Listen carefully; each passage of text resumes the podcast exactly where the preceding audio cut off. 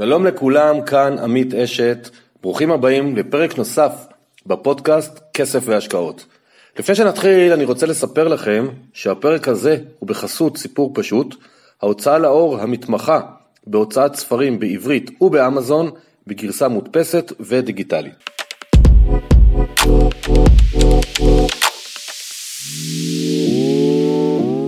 שלום לכולם וברוכים הבאים לפרק 104, אני עמית אשת. היום האורחת שלי היא שרון, שלום שרון. שלום. שרון היא נשואה ואימא גאה לשלושה ילדים, וחוץ מזה היא דוקטור למימון ופיננסים, חוקרת ומרצה בכירה באקדמיה, היא הבעלים של גרעין ייעוץ פיננסי מתקדם, המתמחה בהנגשת הידע הפיננסי למי שמתחיל את הדרך, ופעילה בתחום ההשקעות בשוק ההון, בשוק הנדל"ן, בצורה סולידית ועקבית מגיל צעיר. גם היום לקראת סוף הפרק אני אשלב שאלה שנשאלתי, מה שהתחלתי בפרק 101, אה, לתת לכם אפשרות לשאול שאלות, אז אני ממש אשמח אם תשאלו, ובאתר toinvest.co.il תגללו לאזור הפודקאסט, יש שם כפתור, תשאירו שאלה וזה מגניב לגמרי, וגם בתיאור הפרק יש לינק למי שיעדיף. אה, הבהרה חשובה מצידי וכנראה גם מצד שרון, כל מה שנגיד היום בפרק זה מבחינתנו בגדר מידע לימודי והחלפת דעות. אנחנו לא ממליצים לעשות שום פעולת השקעה או כל סוג שהוא על סמך הפרק, כי אנחנו מדברים כללי וצריך להתייעץ פרטנית אה, לפני שתתחילו לעשות משהו. וכרגיל, שרון לא מכירה את השאלות, ולידיעה אנחנו מכירים, ויש בינינו ויכוח ארוך ימים שעוד לא בא לפתרונו. היא ילידת קריית מוצקין, ואני מקריית ביאליק, ואיזו קריאה טובה יותר? נפתח את זה פה, או שנעבור ישר לפרק, כי אחרת יכול להיות שכל הפרק נעבוד על זה, מה, מה דעתך?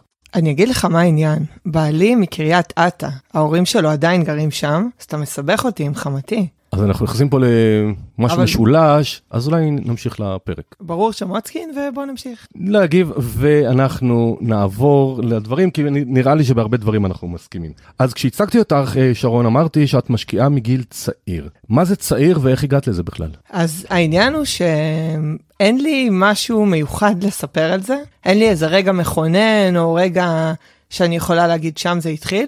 אה, השקעתי.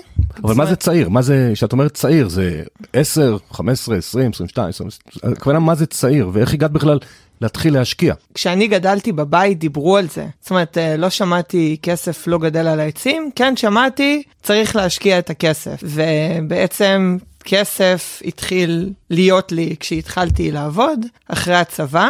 וכשהיה כסף השקעתי אותו. להגיד מתי זה קרה, במה השקעתי, איזה מכשיר זה היה. זה פחות אה, רלוונטי. את אומרת גיל צעיר, את אומרת בעצם בערך כשהתחיל להיות לך כסף מעבודה, ככה אחרי צבא שהתחלת לעבוד.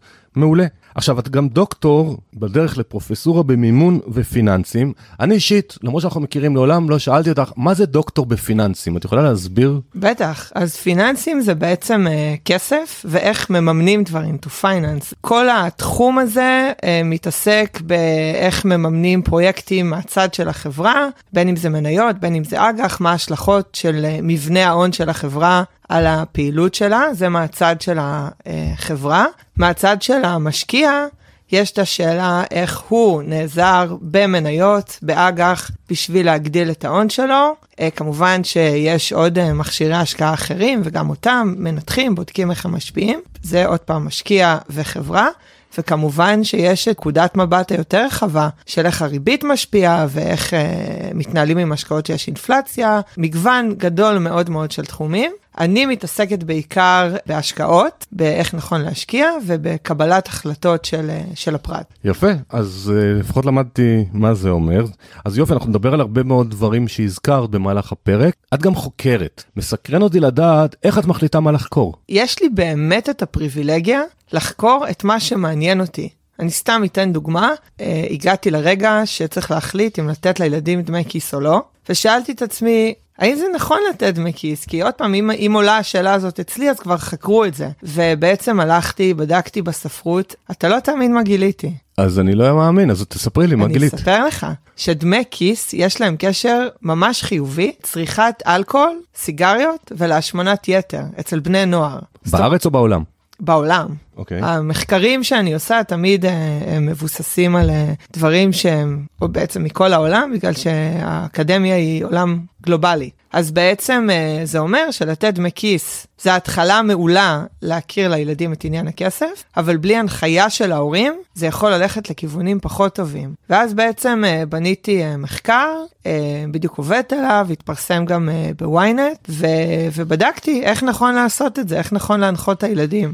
וזה באמת, זה פריבילגיה נורא גדולה, שאם יש נושא שמעניין אותי, אני יכולה לתת את התשובה עליו מחקרית. אז כאימא לצעירים בטח זה מעניין אותך, אבל האם את יכולה לשתף על זה את המאזינים והמאזינות שיש להם ילדים? כמה טיפים, כי אמרת שבלי הנחיה נכונה, את יכולה לתת לנו כמה דוגמאות מה זה בעצם הנחיה נכונה לדמי כיס? כן, בטח. Uh, למשל להסביר לילדים מה זה יקר ומה זה זול. כי אומרים להם, מכולת יקר, בסופר זול, מגנום זה יקר. עכשיו, מה זה מגנום זה יקר? בסוף קונים דירה. אז מגנום דירה, הם, הם מתבלבלים. זאת אומרת, הדרך להראות זה ממש לשתף אותם באיך עושים, איך אנחנו עושים את הבחירות בין מוצרים, לקחת אותם לסופר, להסביר להם, להראות להם איך התקציב המשפחתי, גם אם, אני יודעת שיש אנשים שלא רוצים לשתף את הילדים בכמה הם מרוויחים, אבל להסביר מתוך העוגה של ההכנסות, איך מחלקים את זה, על מה מוציאים, על דיור, על אוכל, אה, איך חוסכים, איך משקיעים, לקחת אותם לבנק, באמת להראות להם מה עושים, וככה הם יבינו מה עושים עם הכסף. אבל יש לי עוד עצה, אני יכולה?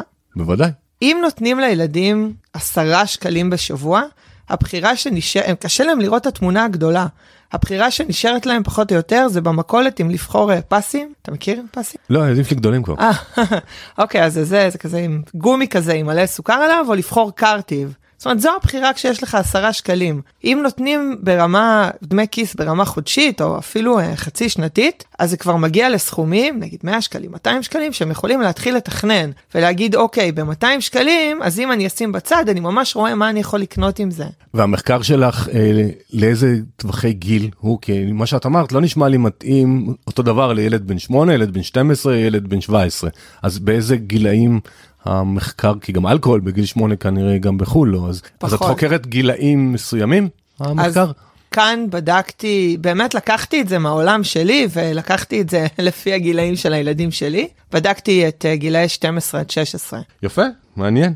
אני רוצה לעבור איתך אה, לפני שעוד צוללים ממש, אני אם את שמה לב, אני דוגם כל מיני שאלות מקרו, עוד מעט נרד ליותר מיקרו. אה, בפרק הקודם, 103, באחת השאלות של המאזינות, היה, של המאזינים ומאזינות, הייתה מאזינה ששאלה למה לדעתי אין הרבה מנטוריות בעולם הכסף, אלא בעיקר גברים. אז הייתי שמח לשמוע את דעתך, כי את כן אישה, את גם חוקרת באקדמיה, יש לך גם עסק פרטי שעוזר, אז, ובאמת אין הרבה נשים. מה, מה דעתך? למה זה בעצם? ואיך נעודד מאזינות להיכנס לאווירה? האמת שעד שנכנסתי לעולם הפייסבוק, הייתי פחות מודעת לעניין הזה של אה, נשים וכסף, אה, שזה פחות. כי בעצם אם אני חוזרת לאיך שגדלתי, אני בת יחידה. זאת אומרת, לא היה איזה הבדל מגדרי בין איך שהתייחסו אליי ל...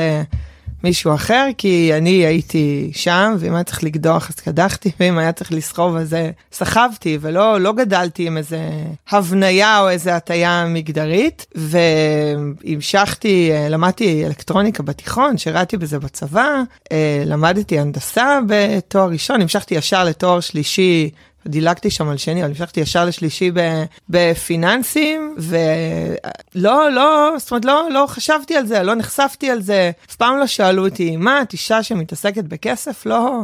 זאת אומרת, זה לא, לא משהו שהיה במודעות שלי, ואז באמת כשנכנסתי לפייסבוק, זאת אומרת, לא היה לי פייסבוק, עמית, אני late bloomer, לא היה לי פייסבוק עד הקורונה, זאת אומרת, היו לי ממש, אה, היו, היו, עשיתי המון פעילויות, אבל זה היה מחוץ לא, לאונליין, ובעצם בקורונה שעשו אוף לכל מה שהיה בחוץ וככה הסתגרנו בבית, אז פתחתי פייסבוק, ואז יותר נחשפתי לשיח הזה. אז כחוקרת, אז לא תעשי על זה מחקר כנראה, אבל אם ניקח את היום, שאת כבר מוד... יודעת כי את ראית ברשתות, את אישית לשמחתך לא חווית לעצמך איזושהי דחייה מעולם הכסף, איך את עוזרת למאזינות עכשיו להבין שוואלה, הכל בסדר, אין סיבה שאתן לא תעשו, כי, כי אני גם, כשאני מחפש מרואיינות, גם כאלה שאני פונה, הרבה פעמים הן אומרות כן או את הלא, הרבה לאט יותר מגברים שאומרים כן או לא. אז איך עוזרים? קודם כל, אני רוצה להגיד לך, כי בוא, אני עדיין אה, דוקטור מאקדמיה, שמחקרים מראים שנשים מנהלות את הכסף הרבה יותר נכון. זאת אומרת, הן לא מנסות uh, להביא את המכה, והן uh, לא מפחדות לשאול שאלות, והן בודקות לעומק, והן מקבלות החלטות יותר נכונות. כי להיכנס נגיד לשוק ההון לאט ובעקביות, ולאורך זמן, יש לזה מלא ערך, ונשים, חד משמעית, מנהלות את הכסף יותר טוב. אין שום סיבה לא להיכנס לזה. אה, זה לא מסובך, זה לא מדע טילים, אפילו לפעמים אומרים לי שאנשים בכללי נרתעים ממספרים. לא חייבים להבין המון במספרים, יש פה כמה עקרונות שצריך להבין ומתחילים. עכשיו אתה שואל איפה התרומה שלי? מבחינתי בלהביא את השיח הפשוט הזה, ולהגיד, תראו כמה זה פשוט. הנה, הראיתי נגיד, העליתי פוסט עם נוסחה, נוסחת פישר שמדברת על אינפלציה. הייתה שם נוסחה, היו שם מספרים, אבל זה היה פשוט והבינו. זאת אומרת, ובזה, רק, רק בזה שאני מביאה את זה פשוט, זה כבר עוזר להוריד את הרתיעה. יופי, אז אני מקווה מאזינות יקרות ששרון פה נתנה לכם רוח גבית להצטרף אלינו לעולם אנשי הכסף וההשקעות. עוד איזושהי שאלה כללית דווקא לנשים. קיבלתי אישור משרון לשאול את השאלה הזאת לכל אלה שיהיו מוטרדות למה אני לא שואל גברים את השאלה הזאת. את מצליחה לשלב קריירה אקדמית מצליחה, עסק פרטי, את מאוד מעורבת עם חיי הילדים. איזה טיפים את יכולה לתת למאזינות שחושבות ש... קשה מאוד גם לשלב וגם שיש תקרת זכוכית וכולי, זאת אומרת כאחת שעושה את זה. נראה לי שזה קודם כל להסתכל יום יום ולעשות בעצם את המשימות שצריך לעשות ולהתקדם צעד צעד, כי לפעמים כשאנחנו מסתכלים על התמונה, זאת אומרת כשאתה אומר לי מה אני עושה, וגם לפעמים אני אומרת לעצמי וואו, איך הספקתי את זה? איך הצלחתי ככה לג'נגל בין הכל? אה, אבל אם אני פורטת את זה למשימות, אז, אז זה עובד, זה עובד וזה מתקדם. ודבר שני זה good enough, זאת אומרת אתה לא צריך להיות uh, הכי מושלם בעולם בכל תחום, כי זה לא עובד. אני בעד uh, good enough, זאת אומרת, אני יכולה להגיד לך בהכל שאני מספיק טובה, ו- וזה אחלה, וזה עובד יופי. אני מאוד מסכים איתך, גם כשניהלתי מערכות גדולות, שהייתי שכיר, הייתי אומר לעובדים שלי, נעבוד לפי חוק פרטו, תעשו 80 אחוז, שאר ה-20 אחוז, או שהוא יסתדר מלבד, או שהוא לא חשוב, ו... אבל אובדן שליטה, בטח uh, מאזינים ומאזינות, אם מי מכם שהיה שכיר והתחיל עסק עצמאי, אחת הבעיות הרבה פעמים של עצמאים מתחילים, מנסים לעשות הכל מושלם. ואז יכולים לעמוד איזה יומיים על איזה דף נחיתה שאיזושהי שורה לא מסתדרת, ובתכלס הלקוחות מרפרפים על זה. אז אני מאוד מתחבר ל-good enough, ו... וככה אפשר להתקדם. אז נתקדם לנו. שאלה אחת רק שתהיה בסשן שלנו היום, עולם האקדמיה. כי אני לא רוצה יותר מדי לערבב אותו, כי בסוף המאזינים, יש להם את החיים שלהם. אבל יש המון דילמות, האם ללכת ללמוד, לא ללכת ללמוד. אה, אני מהנדס כלכלה וניהול מהטכניון. גם אני. אה כן אבל כנראה יש לנו איזה 20 שנה הבדל בינינו בגיל אז כנראה לא למדנו ביחד. אבל מה שאני רוצה להגיד לא יודע איך בזמנך בזמני לא דיברו אותנו על כסף. כשיצאתי לחיים האמיתיים לא דיברו איתי על כסף לא דיברו איתי על השקעות לא דיברו על כלום זה הכל היה לימוד עצמי ובימים שלי גם לא היה אינטרנט לא היה שום דבר. אני שואל איך היום עולם האקדמיה שאת מלמדת לא דווקא הקורס שלך בכלל איך היום האקדמיה היום יותר מחוברת ל... לחיים, או שזה הכל עדיין ברמת מודלים, עקרונות וכולי? אז קודם כל, ברגע שאני עולה ללמד, אני יכולה להגיד לך שעל כל משפט שני בודקים אותי. זאת אומרת, הסטודנטים יושבים עם הלפטופ או עם הנייד, ואומרים לי, אבל גוגל אמרו, אבל אני בדיוק רואה ש... ו- ושואלים, וגם אם בעצם מרצה עומד והוא נורא מדבר על המודלים התיאורטיים, הסטודנטים מביאים את, ה, את המציאות ואת מה שקורה בשטח פנימה, אבל קראתי בעיתון שאיך זה מתחבר, וזה מאוד יפה, וזה מבחינתי שימוש ראוי ונהדר במכשירים סלולריים. זאת אומרת, אם מכניסים אותם לכיתה, זה ממש מאיר את העניינים, כי מה שאנחנו, אני, אני בתחום המימון והפיננסים, מה שמדברים עליו באמת פרקטי.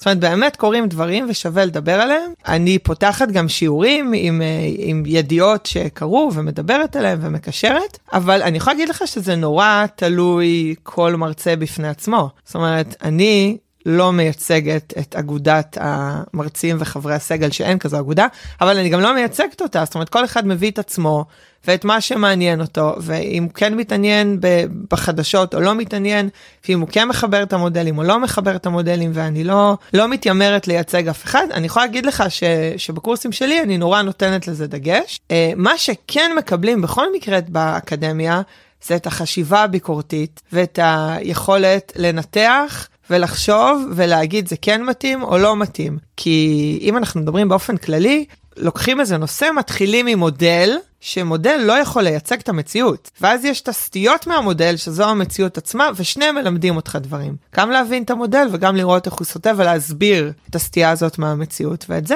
מקבלים לגמרי. יפה, אז אני, זה משמח אותי לשמוע שהיום סטודנט יוצא וגם מכיר את הפרקטיקה ולא צריך ללמוד מאפס. יופי. בואי נעבור רגע לצעירים, נקרא לזה צעירים, וצעיר יצא מהצבא. יש לו עכשיו את הפיקדון שהוא יכול למשוך, לא למשוך, והוא מתחיל את החיים שלו, מתחיל את העבודה הראשונה. איך היית מציעה לו להתחיל בעולם ההשקעות? מה ממש, מה הסטפס הראשונים שהיית אומרת לו לעשות? צעד הראשון הוא באמת להבין איך זה עובד ומה חוקי המשחק. כי צריך להבין שמי שמתחיל באמת צעיר, שזה באמת הקהל יעד שלי, הם, האופק שלהם ממלא אותי באופטימיות ובהשראה. אז גם אם שמים סכומי כסף קטנים בהתחלה, הזמן עושה את שלו, ואני מדברת על הריבית דריבית, שזה ממש כוח על פיננס. אז מי שמוכן להיפרד מהכסף לטווח ארוך, יתפלא ממש לגלות כמה, כמה מצטבר או לכמה הוא אה, נהפך בעוד, אה, בעוד 10 או 20 או 30 שנה. אבל בשביל להיות מוכן לוותר היום על הכסף, עכשיו, זה לא קל לוותר היום על הכסף, בא לך להוציא אותו ולהתפנק ולעשות איתו משהו. בשביל לוותר על הכסף, אתה צריך להבין מה יוצא לך. אמ, אז זה הדבר הראשון, להבין את החוקים, להבין איך זה עובד, לרכוש את הידע, בעצם לפתח state of mind של משקיע. זאת אומרת, להגיד, אייפון זה מדהים, זאת אומרת, בלי עוד פעם, זה לא ייעוץ, בלי... ברור, ברור. סתם אני, דוגמה אתה, לגמרי. אני עשיתי גילוי נאות, עשי גם את אוקיי, משלך. אז גם אני מתחברת לגילוי נאות שלך, ואני אומרת, סתם דוגמה, אבל להגיד, וואי, אייפון זה מדהים, בוא נקנה את אפל, טסלה זה מדהים, בוא נקנה את טסלה. אה, להגיד, אה, כולם חוזרים לטוס, בוא נקנה חברת תעופה. זה מה ששוק המניות מאפשר לך בעצם לעשות, ליהנות מה... קפיט, קפיטליזם במיטבו ולהחזיק ממש בקלות בתיק מגוון של מלא חברות. אבל אני רוצה רגע ללכת עוד טיפה לפני חברות כאלה ואחרות. את אומרת להבין את חוקי המשחק ואיך להתחיל. אז נתת דוגמה של הריבית דריבית, אני אשאל שתי שאלות ביחד, אני יודע שתצליחי לעכל אותן. אחת, איך את עוזרת לאנשים באמת להבין על ההקרבה במרכאות או לא במרכאות של היום לטובת המחר? זאת אומרת באיזה איזון? חצי חצי מהכסף. עזוב אותך עכשיו, תתקלב, תישאר אצל ההורים עד גיל 32, העיקר שתחסוך שכר דירה ואז יהיה לך מלא כסף. זאת אומרת איך עושים את האיזון הזה? איזה, חוץ מריבית דריבית, איזה עוד כללים, עקרונות ראשונים את חושבת שחשוב להבין? כי את אמרת נגיד להשקיע בניירות ערך, השאלה אם לא צריך להבין קודם כל איך השוק ניירות ערך עובד. לא, ברור, דבר ראשון שצריך זה ידע, פה אין ספק בכלל, אני לא ממליצה לאף אחד להתחיל בלי להבין מה הוא עושה, כי זה כמו לצאת לדרך בלי שאתה יודע לאן אתה מגיע, אתה לא יודע דרך איפה לנסוע, כי אתה גם לא יודע לאן אתה רוצה להגיע. אני שומעת נגיד גם אנש, אנשים שאומרים שהם עוקבים אחרי התזרים, הם לא מתכננים אותו, הם לא שולטים עליו, הם עוקבים, הוא ייקח אותם לאן שהוא ייקח. שלב ראשון זה להבין איך זה עובד, אין פה בכלל שאלה, ורק כשמבינים איך זה עובד אתה כבר מתמלא מוטיבציה. עכשיו, איך מחליטים בעצם כמה להקצות מהיום לטובת העתיד? אז התשובה היא כזו, צריך לשמור על איזה אה, החלקה, על איזון בין ההווה לעתיד, ש- שיעבור חלק. זאת אומרת, לא יכול להיות שעכשיו אני לא אעשה עם עצמי כלום ויעבור לגור באוהל ויקח את כל הכסף של היום ויקצה אותו לעתיד. זאת אומרת, יחיה גרוע גרוע מבחינתי, הקרבה, ממש 10 או 20 או 30 שנים, ואז בעתיד אני ירצה להשתמש בכל הכסף וליהנות ולבלות. מצד שני, לא יכול להיות שעכשיו אני כל הזמן מתפנקת, ובעתיד כשאני אגיע לשלב של לפרוש, אז לא יהיה לי כסף. אם מתכננים את זה נכון, אז אמורים לשמור על אותה רמת חיים היום ולאורך הזמן, וגם בפרישה. עכשיו, אם מתחילים מוקדם, אתה יכול ממש לעשות את הדרך בנחת בגלל הכוח של הזמן ובגלל הריבית דריבית, ואתה יכול להגיע למצב שתוך 20-30 שנה יש לך כסף ואתה גם לא חייב לחכות לגיל הפרישה הרשמי, שרק הולך ועולה. זאת אומרת, אפשר ממש ליצור חיים שהם מאוד מאוד מאוזנים ומאוד uh, בטוב. אני מאוד מתחבר לזה כמובן. אתמול עשיתי איזושהי הרצאה, אז ניסיתי להסביר להם גם על נושא הגדלת ההכנסות, uh, למה זה חשוב, ושאפשר, תלוי זמן, לא תלוי זמן, תלוי הון, לא תלוי הון, אבל אז יש לי תמיד איזשהו שלט הזהרה, אני כותב אזהרה, כל הגדלת ההון היא לא להגדלת רמת החיים, אם היא טובה לכם, אלא לחיסכון, כדי שבאמת תצברו ותשתמשו בו. יופי, מצוין. אז אני רוצה עכשיו, זה מתחבר השאלה הבאה לעולם ההשקעות. אני חושב שיש לפעמים לאנשים יותר מבוגרים, צעירים בחוסר ידע ומבוגרים זה פחד, בלבול מסוים בעיניים שלי הסובייקטיביות בין חיסכון להשקעה. איך את בעיניים שלך, מה ההבדל בין חיסכון להשקעה? אוקיי, okay, שאלה מעולה. תודה. אז חיסכון בעצם זה אמור להיות למטרות לטווח קצר או לדברים שהם מאוד מאוד ברורים. זה לשים את הכסף בצד, פיקדון או באיזשהו כלי אחר שלא נותן הרבה.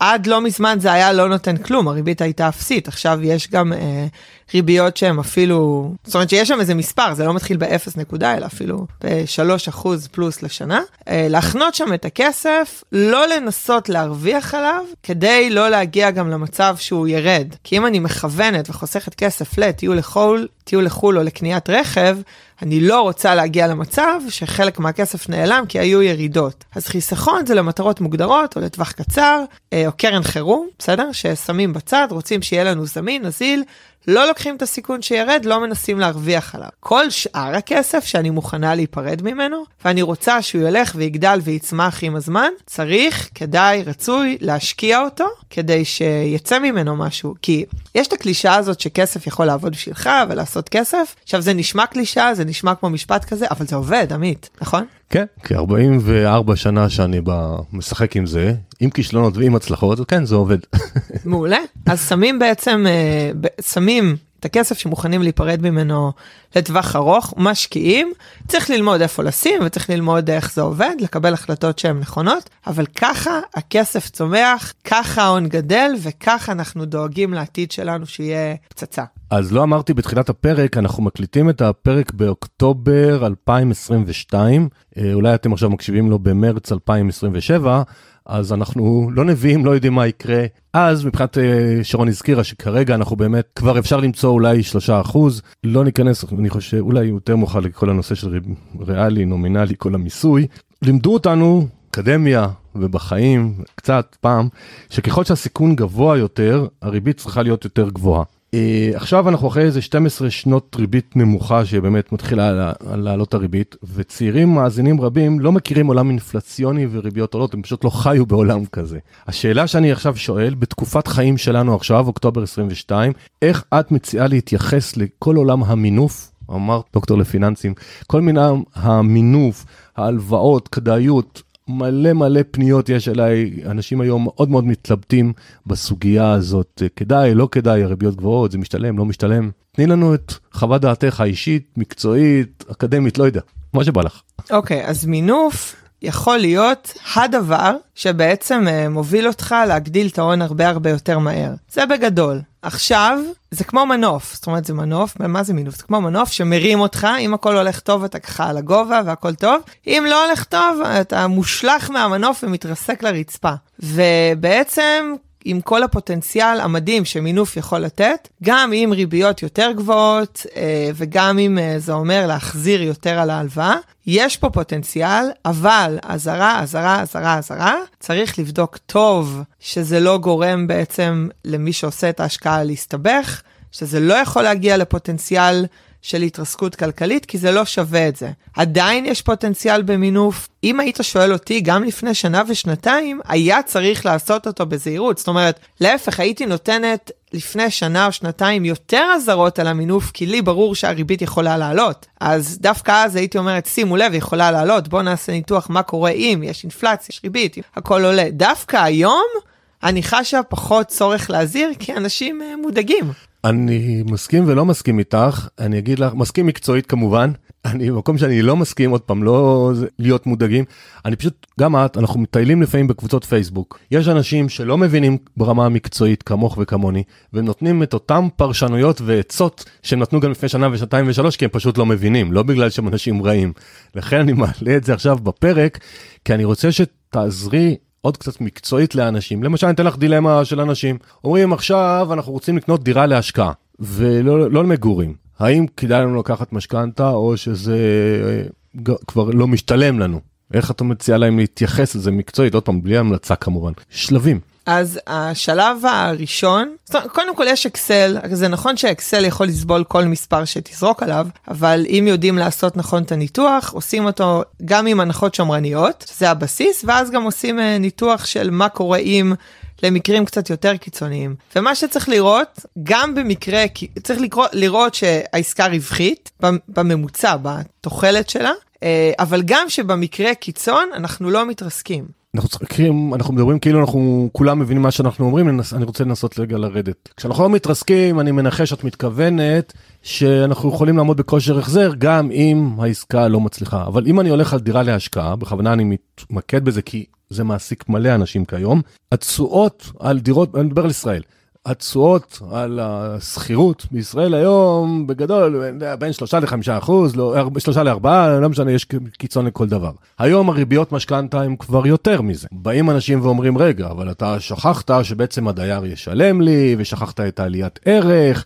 ואז את חוזרים לאקסל שאת מציגה, אז איך את מציעה לאדם לבדוק לעצמו אם זה משתלם או לא? אז קודם כל, כשאתה אומר דירה להשקעה, אז אנשים לפעמים לא מבדילים בין דירה יחידה לדירה שנייה והלאה. יש כאלה שקונים דירה יחידה, לא גרים בה, מכניסים דייר שיגור בה, ואז קוראים לזה דירה להשקעה. אז אני רוצה רגע להפריד, כי מבחינת מיסוי ומימון יש הבדל עצום. דירה יחידה, זה אומר שזה, אה, גם אם החזקתי פעם דירה ומכרתי, זאת אומרת, זה לא ראשונה, זה יחידה. כרגע הדירה היחידה שברשותי. עסקה כזאת של דירה יחידה, ואני לא מדברת אם אתה כן גר שם או לא גר, לא משנה מי גר שם, אבל זו דירה יחידה. יש לה יתרונות מיסוי ומימון לא נורמליים, כאלה, זאת אומרת לא נורמליים בקטע טוב, הופכים כל עסקה כזאת לעסקה שקשה לחרב אותה. אם עושים את זה נכון, גם אם הריביות עלו, קשה נכון? להרוס אותה. סליחה רגע, אבל את אומרת את המילה נכון מדי פעם בשיחתנו. נכון. נכון זה נכון, נכון שלך. אז את יכולה לתת לנו, המאזינים, מה את כוונת, אם עושים אותה נכון דירה ראשונה, מה, מה זה הנכון פה?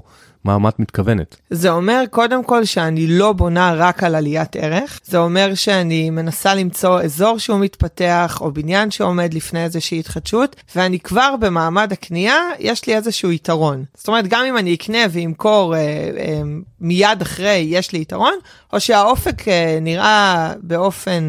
ודאות, אתה יודע, זה רק uh, בדיחה עם מוות ומיסים, אבל בוודאות uh, סבירה מספיק שאני יכולה להרוויח מזה. יש עוד כמה כללים, זה צריך עוד כמה פרקים פה ב, uh, בשביל לדון, לדון עליהם, אבל, אבל עדיין אני אומרת, אם עושים את זה נכון, כי יש כמה כללים ויש צ'קליסט שאפשר ממש לבדוק שההשקעה עומדת בתנאים האלה, אבל קשה להרוס עסקה של דירה יחידה. בארץ, עם המתנות, וזה באמת מתנות של המימון והמיסוי שמקבלים. עוד פעם, לא משנה מי גר בה, דירה יחידה. אחרי זה, על דירה שנייה והלאה, יש כבר מימון ומיסוי אחרים, ושם, אני אומרת, ממש בזהירות. זאת עסקה שלא בטוח שהיא רווחית. ברגע, עוד פעם, אוקטובר 22, שיש לי מס רכישה כל כך גבוה, זה כבר אומר בזהירות, כי בעצם...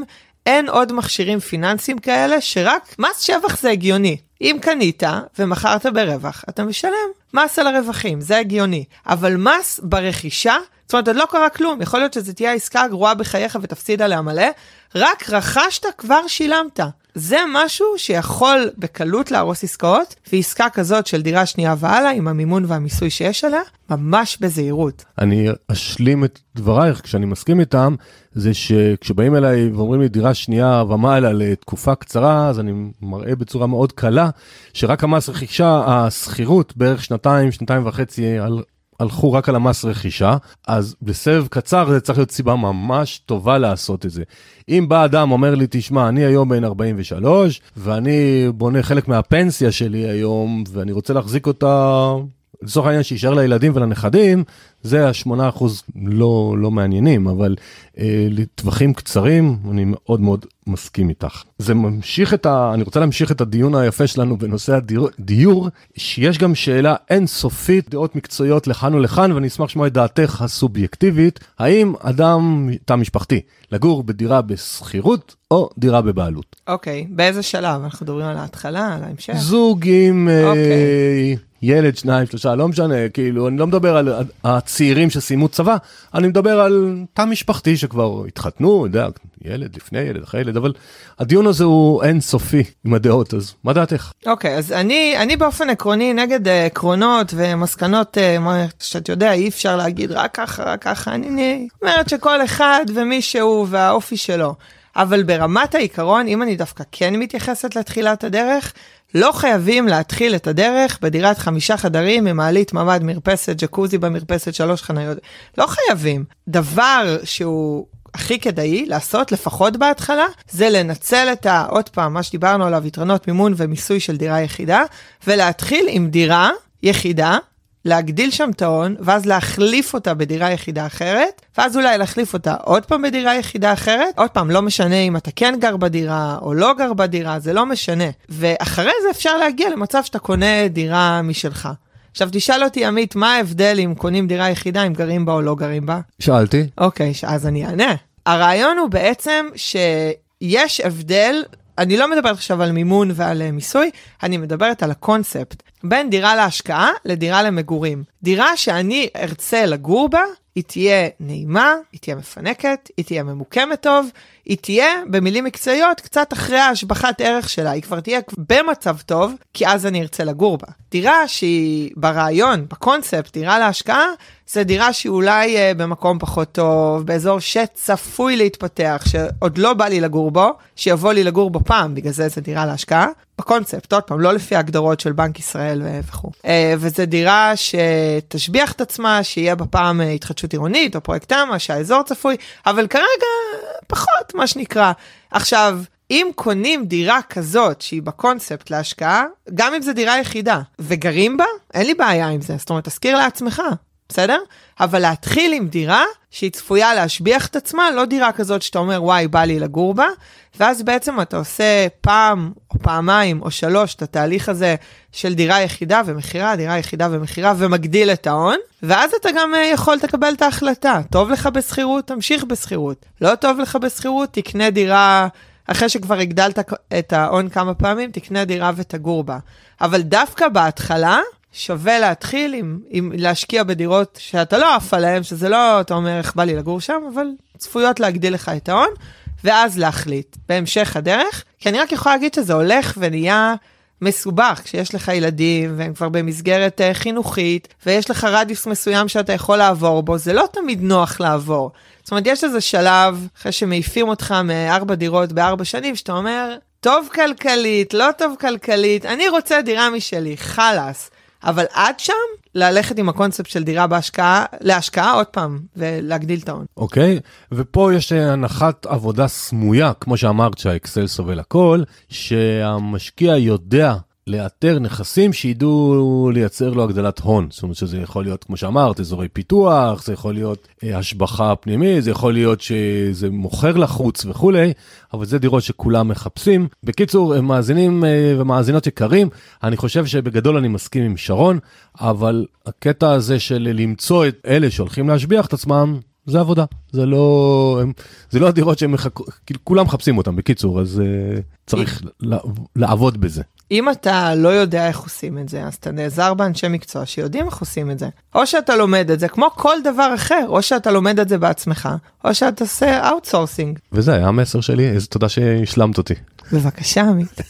איזה כיף זה לראיין אנשים שאתה מכיר, זה הרבה פעמים הרבה יותר קל מאשר אנשים שאתה לא מכיר אותם ממש טוב. התחלנו את השיחתנו, קצת דיברנו קצת על שוק ההון וקצת ברחתי לנדל"ן, אני רוצה קצת לחזור לעולם ההון, מיסוי וכל הדברים שאת עושה ביום יום אוהבת. שעושים לי את זה. בדיוק, אני רוצה לשמח אותך. יאללה. השקעת בנו את הזמן לפרק, אז אני רוצה שתשמחי. אה, אני רוצה לדבר רגע על מניות שמחלקות דיבידנד באופן קבוע.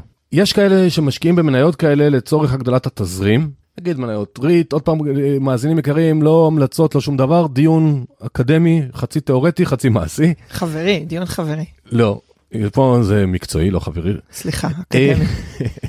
אז יש כאלה שמשקיעים במניות, לצור... הם אומרים, אני חסר לי בתזרים x שקלים, אני אשקיע במניות דיבידנד ואני אגדיל. ויש כאלה שמשקיעים במניות דיבידנד כי אומרים להם זה כדאי לכם נורא כי אתם תקבלו תזרים כל הזמן ייכנס לכם כסף גם פתח סוגריים גם אם יש להם מספיק כסף ויש כאלה שטוענים שזאת טעות מאוד מאוד גדולה משיקולי מיסוי כי בעצם בזמן הדיבידנד אנחנו משלמים מס במקור, בשוטף, במקום שהחברה תצבור את הכספים, תשקיע אותם ותשיא ערך יותר גבוה למשקיעים. דעתך. אוקיי, okay, אז קודם כל יש איזו דעה נפוצה לגבי דיבידנדים, שזה אומר החברה הרוויחה, היא חילקה דיבידנד. עכשיו, דיבידנד זה לא מה שמייצר את הרווח, דיבידנד זה חלוקת רווחים.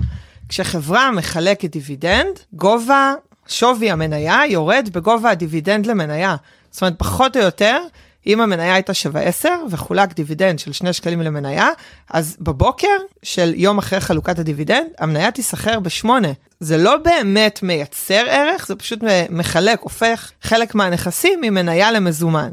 עכשיו, ברגע שזה קורה, משלמים מיסים. אז אם קודם, ביום לפני חלוקת הדיבידנד, הייתה לי מניה ששווה 10, יום אחרי לא יהיה לי תיק בשווי 10 שכולל מניה של 8 ו-2 שקלים במזומן, כי על המזומן הזה אני משלמת מיסים. אז בעצם אני אסיים את האירוע הזה של חלוקת דיבידנד עם מניה ששווה 8 שקלים ושקל וחצי, כי חצי שקל הלך לרשויות המס. זה משאיר אותנו עם פחות כסף. עכשיו, כל עניין הזה של חלוקת דיבידנדים ומניות שמחלקות דיבידנדים, מתאים בגדול למשקיעים שמחפשים תזרים. זאת אומרת, אם אנחנו מסתכלים על הדרך הפיננסית הכוללת, בהתחלה רוצים להגדיל את ההון, ואז באיזשהו שלב רוצים שההון הזה ייצר לנו תזרים. כל עוד אנחנו רוצים להגדיל את ההון, אין שום טעם במניות דיבידנד, בגלל שהן פשוט מקטינות לי את השווי שלי. אני בעצם רוצה ללכת על דחיית מיסוי ולא לכלול אירועים כאלה של חלוקת דיבידנד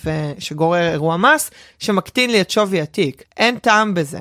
לעומת זאת, אחרי שהגדלנו את ההון והגדלנו אותו, ואנחנו רוצים לעבור לשלב של להפיק מההון הזה תזרים, מניות דיבידנד זה אחלה. אז אני רוצה גם להתווכח איתך על הסיום, שאת אומרת שזה אחלה, מה רע באופציה אה, ש... אני, יש לי מניות רגילות, שלא מחלקות דיבידנד, כאילו בהגדרה. הם, אה, ומאזינים, מי, מי שלא יודע, גם חברה שמחלקת דיבידנד יכולה להפסיק, חוץ מחברות REIT, כי חברה רגילה יכולה להחליט אם יש לה או אין לה, זה רק לידיעה, מי ש...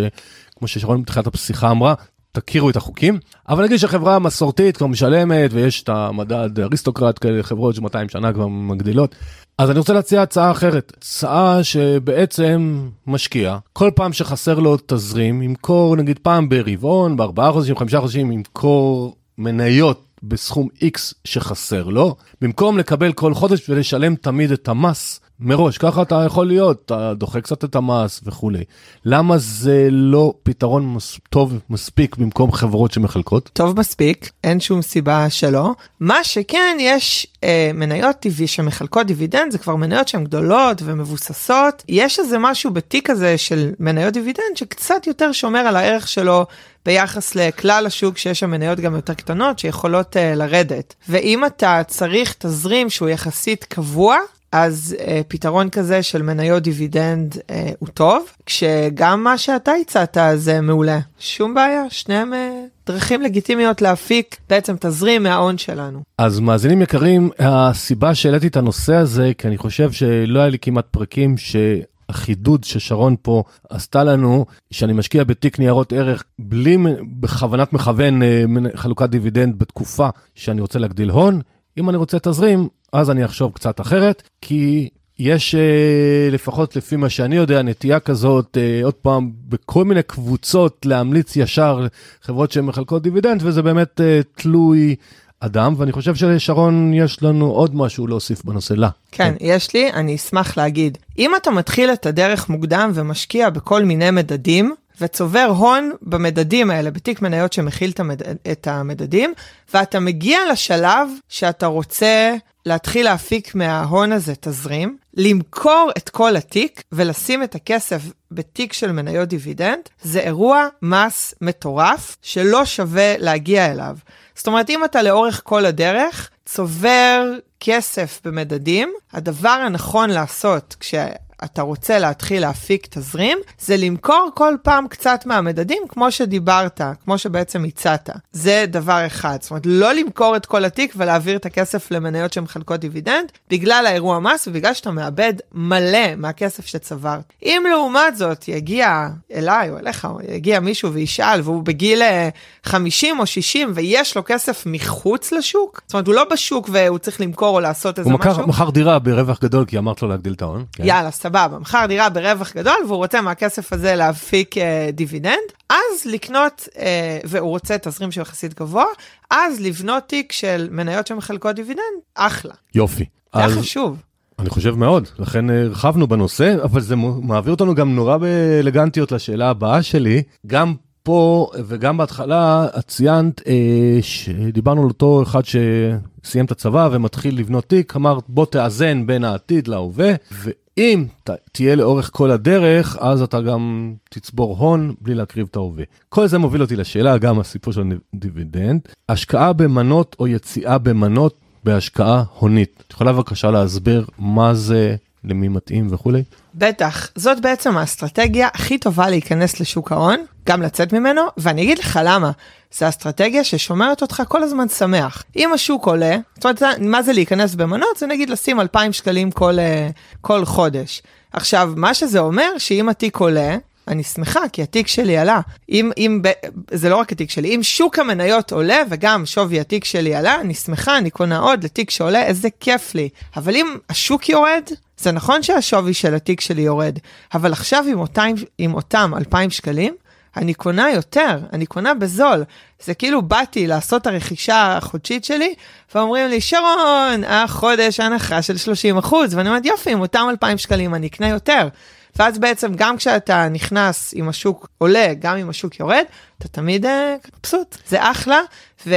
ובצד השני של המימוש? של המימוש זה גם, אה, מה שעוד מילה לגבי הקנייה, זה גם לגבי המימוש, אתה בעצם לא תלוי בנקודת הכניסה. זאת אומרת, זה לא כל התשואה מצטברת ביחס למקום שנכנסת בו, אתה ממצע את הכניסה שלך לשוק, אתה לא תלוי במה שקורה בדרך. זאת אומרת, אתה תלוי במה שקורה בדרך, אבל אתה לא תלוי בנקודה אחת. אין נקודה אחת uh, מכריעה שאתה נכנס בה וזהו. מה שזה בעצם אומר, שאני לא צריכה לפחד מירידות או מעליות, כי אני אקנה בכולם, ואני בממוצע נכנסת לאט לאט פנימה, זה נותן uh, רוגע ונחת בדרך, שאתה יודע שיש לך מתודולוגיה קבועה, שהיא באמת, uh, היא נכונה והיא עובדת טוב. עכשיו ביציאה זה אותו דבר, כי אתה אף פעם לא יודע אם אתה מוכר במחיר נמוך או במחיר גבוה.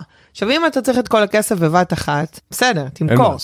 אבל uh, מי שזה לא המצב, כדאי למכור מדי פעם במנות, כי אתם אף פעם לא יודעים אם תבוא ירידה גדולה, ואז פשוט הלך לכם חלק מהכסף. עכשיו ראינו את זה נורא חזק אצל כל הסטארט-אפים שבעצם קיבלו מניות. יצא לי ככה לעשות אה, איזה פגישת עבודה קלילה בים, דווקא בהליכה, עם מישהו שהמניות שלו היו שוות אה, משהו בסביבות החמש מיליון שקל.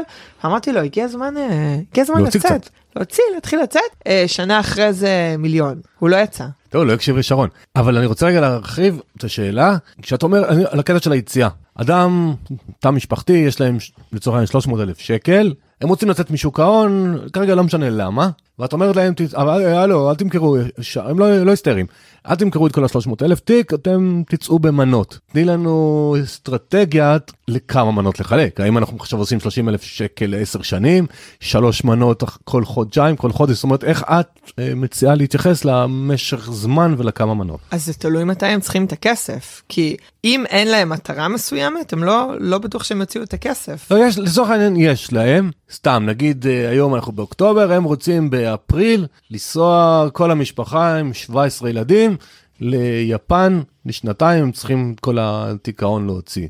אז האם לחלק את זה מעכשיו עד אפריל, אה, שבעה חודשים, שמונה, חצי שנה, או... מנות קבועות, בדיוק. מנות קבועות. כן, פשוט לצאת. זאת השאלה הייתה. תראה, כל מי שיגיד לך שהוא יודע מה הולך להיות בשוק ההון, בנדל"ן, בכללי בחיים, תברח. זה לא עובד ככה. בגלל שאנחנו לא יודעים מה הולך להיות, אנחנו פשוט ממצעים את הדרך החוצה. בוחרים במנות קבועות מדי תקופה, עד הזמן שאנחנו צריכים את הכסף. בסדר, לכן שאלתי. הזכרת מקודם שעכשיו פתאום קצת יש אה, ריבית, אפשר לקבל אולי. אנחנו שנינו גם, כמו כל המאזינים, יודעים גם שיש אינפלציה. האם את היית משנה אסטרטגיית קרונות בניית תיק השקעות בגלל התקופה הזאת? לאנשים שלצורך העניין יש להם עודף תזרימי של נגיד 3,000, 2,000, 5,000 שקל לחודש, ויש להם איזשהו תיק השקעות כזה או אחר. מה האינפלציה והריבית שעולה ישנו, אם בכלל, באסטרטגיית השקעות? מי שמשקיע לטווח ארוך, לא צריך לשנות את האסטרטגיה, בסדר? זה, זה כלל, כלל אצבע. יש השלכות מיסוי אדירות לשינוי בתיק ההשקעות, והאינפלציה כאן עכשיו, אבל זה, עוד פעם, זה שנה אחת, זה יהיה שנתיים, זה יסתדר. ואנחנו מדברים על אופק השקעה ארוך, להשאיר את התיק כמו שהוא, להמשיך בעקביות, זה בדיוק העניין של, ה, של המיצוע, שנכנסים על פני תקופה, ו, והאסטרטגיה הזאת עובדת לאורך זמן, והיא עבדה היטב לאורך תקופות אחרות שבהם היו ריביות גבוהות והייתה אינפלציה גבוהה והתיק עדיין, כשנכנסים ככה ומשקיעים לאורך זמן, מניב יופי. עולה שאלה בתקופת האינפלציה, אני אנסה גם לחדד טיפה. באים אנשים ואומרים, תשמע, כל הכבוד, עשינו אקסלים והחלטנו תשואה ממוצעת שיהיה לנו 4%, 5%, 6%, 7%, לא משנה, בואי נגיד 5%, אבל האם זה 5% ריאלי? האם אנחנו צריכים להתחשב באינפלציה? איך כדוקטור למימון עכשיו, זו תקופה מבלבלת, איך אני יודע לחשב תשואה ריאלית? האם אני צריך בכלל להתחשב באינפלציה או הנחת עבודה אומרת, החברות יעלו את המחיר, בסוף כל מה ש וכולי וכולי וכולי, תני לנו קצת או אקדמיה או פרקטיקה או גם וגם. אוקיי, okay, אז מה, מה שבעצם קורה עם השקעות שהן לטווח ארוך, שזה הרבה נדל"ן ושוק ההון, שהחברות בסוף מגלגלות את זה לצרכנים, ודווקא מקום טוב להיות בו בזמן שיש אינפלציה זה במניות של אה, חברות, ונדל"ן גם יכול להיות שהוא ירד, הוא בסוף יעלה, הוא שומר על הערך שלו ועולה, אז מקום טוב לכסף להיות כשמשקיעים לטווח ארוך.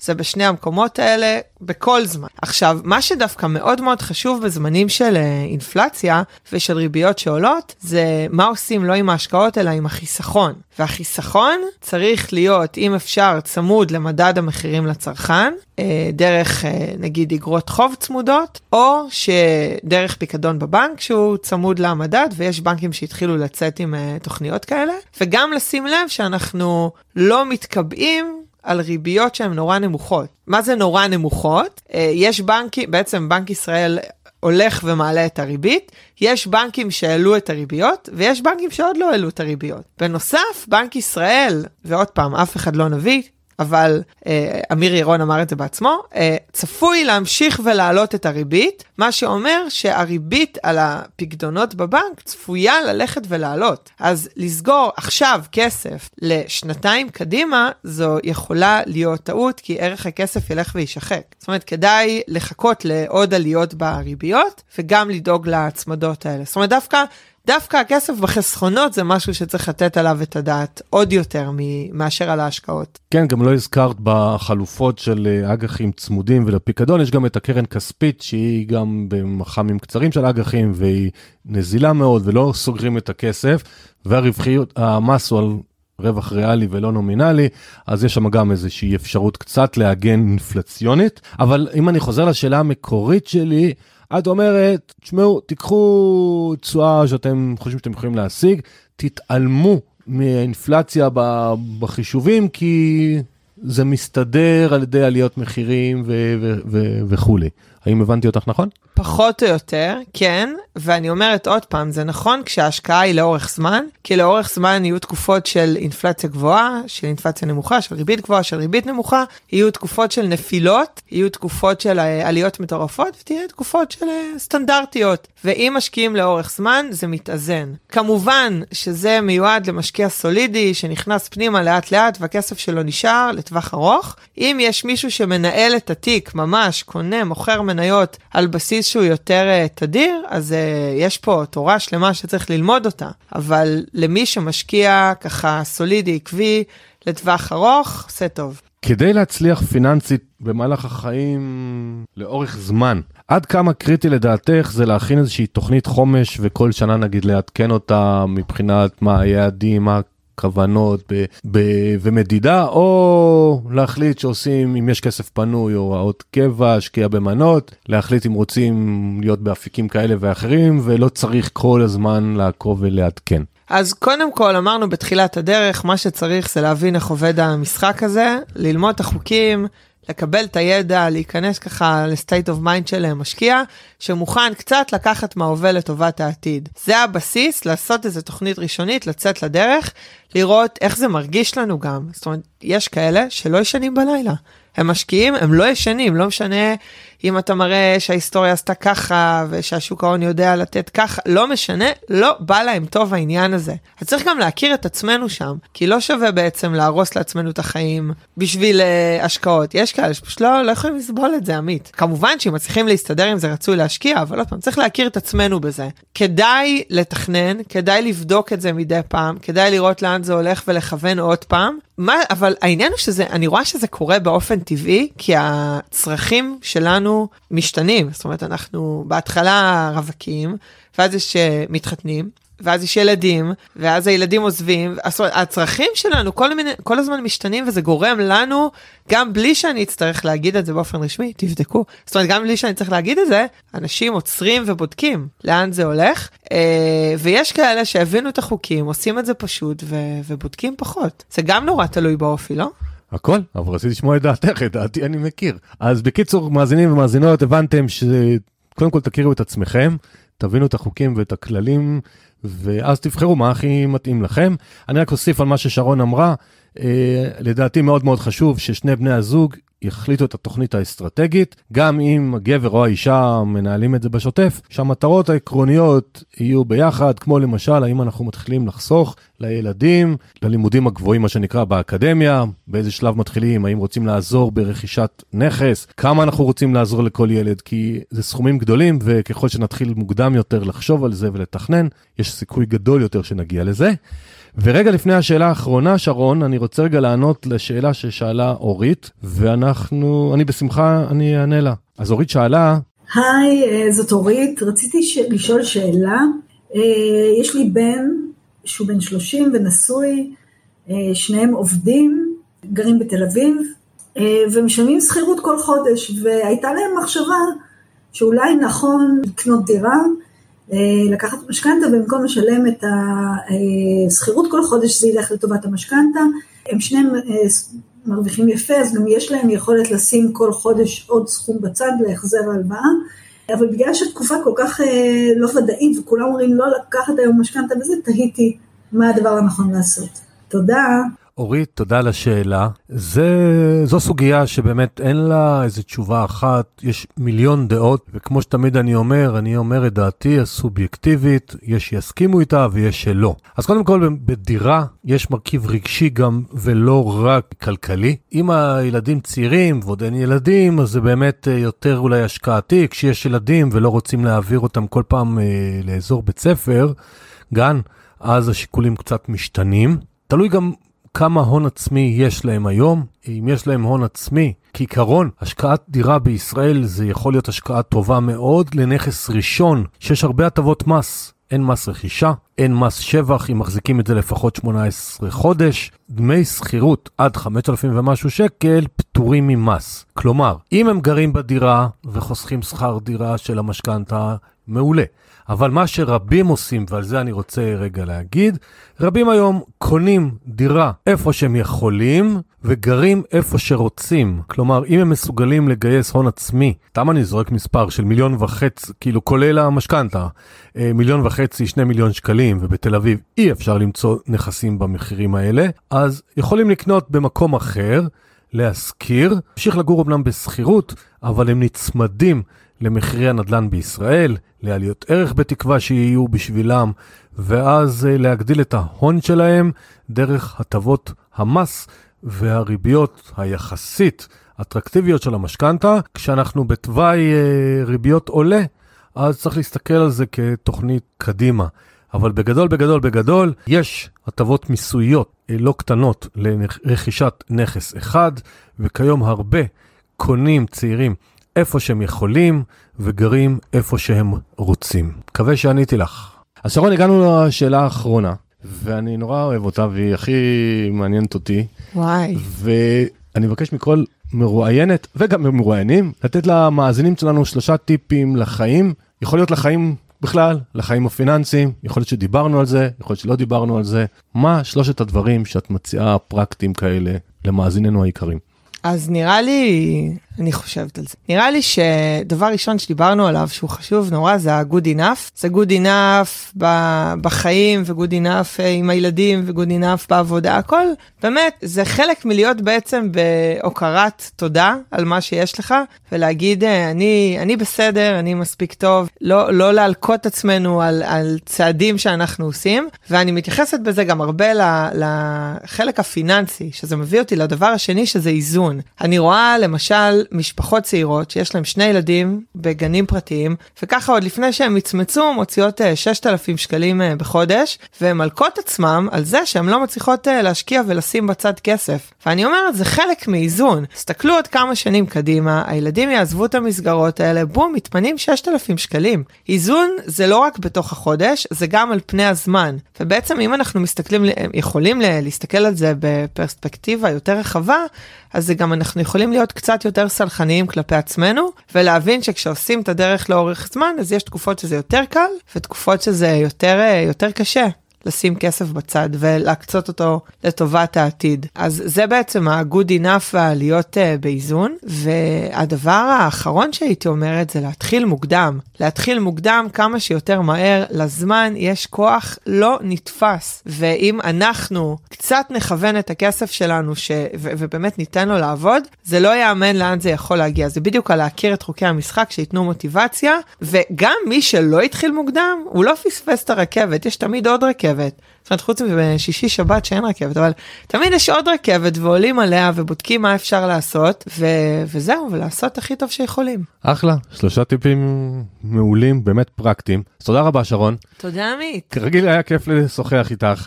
אני מקווה שגם למאזינים היה נחמד להקשיב לנו. ומאזינים יקרים, בתיאור הפרק יש לינק גם לגרעין, זאת החברה של שרון, גם לאיך להשאיר לי אה, שאלות לפרקים הבאים. אני מזמין אתכם לספר לחברים על הפודקאסט, אה, להכיר את הספר כסף והשקעות, מי שעוד לא מכיר, יש בו הרבה מאוד חומרים שמשלימים, ויחד אה, נעזור לרבים לשפר את מצבם הכלכלי, ונשתמע בפרק הבא. תודה, אני עמית.